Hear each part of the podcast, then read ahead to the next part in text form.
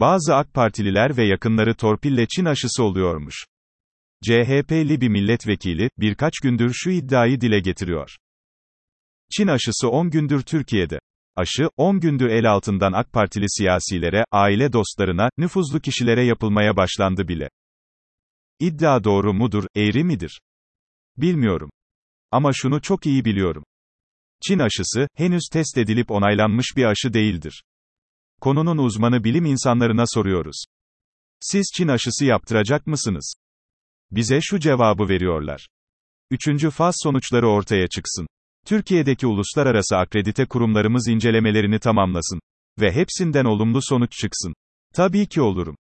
Bu sonuçlar alınmadan, aşı yaptırmak demek, gönüllü kobay olmak demektir. Son söz.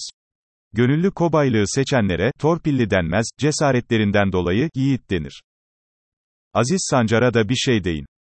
Ben, Çin aşısı olacağım dediğim zaman, alaycı bir terbiyesizlikle şarlayanlara soruyorum. Bakın, Aziz Sancar Hoca da, ben Türkiye'de olsam Çin aşısı olurum diye üstüne bastıra bastıra açıklama yapmış. Susacak mısınız? Konuşacak mısınız? Türk edebiyatı Türk futbolu. Türk futbolu çöküşte falan değil. Resmen ve alenen çökmüş durumda. Türk edebiyatı da taciz iddiaları nedeniyle zangır zangır çöküyor. Ve hükmümü açıklıyorum. Türk edebiyatı ile Türk futbolu arasında başarı grafiği açısından her zaman doğrudan bir bağ olmuştur. Yağmur duasına çıkmadan önce yapılması gerekenler. Doğaya saygılı olacaksın. Şehirleri betona boğmayacaksın. Kuş yollarını bozmayacaksın. Dikey mimariyi bırakacaksın. Yatay mimariye geçeceksin. Yeşilin kıymetini bileceksin. Bunları yaptıktan sonra, yağmur duasına çıkarsan, duaların kabul olur. Şunu AK Partili bir milletvekili deseydi. CHP milletvekili Serra Kadıgil, mecliste konuşuyor.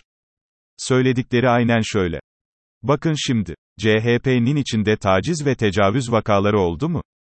Oldu. Tabii ki olacak. Toplumsal cinsiyet eşitliğine sahip olmayan bir ülkede yaşıyoruz. 18 yıldır sizin iktidarınızda yaşıyoruz. AK Parti'ye hep şöyle diyorum. Her başınız sıkıştığında İsmet Paşa diyorsunuz. Topu İsmet Paşa'ya atıyorsunuz. Serra Kadıgil'in bu çıkışından sonra ise, şöyle diyeceğim, partinizin içindeki tecavüz ve tacizin suçlusu da mı iktidar? Taciziniz ve tecavüzünüz de mi iktidar yüzünden? Fakat hepsinden daha önemlisi şurası. Serra Kadıgil'in alay edilmeye, mavra çevrilmeye ve kafa bulmaya çok müsait bu cümleleri karşısında. Sosyal medyanın anlı şanlı alaycıları, mavracıları ve kafa bulucuları ölü taklidi yapmayı tercih ettiler. Bu yaklaşımı herhangi bir AK Partili milletvekili sergileseydi en az 10 yıl kafa bulunurdu kendisiyle. Bir şiir okudu diye. Cumhurbaşkanı Erdoğan'ın siyasi tarihinde şiirin yeri ve önemi büyük. Bir şiir okudu diye başına gelmeyen kalmamıştı. Şimdi de bir şiir okudu diye. İran'ın tepkisini çekmiş. Bunlar olup biterken değişmeyen tek bir şey var. O da Erdoğan'ın şiir okumaya duyduğu ilgi. O hiç bitmiyor.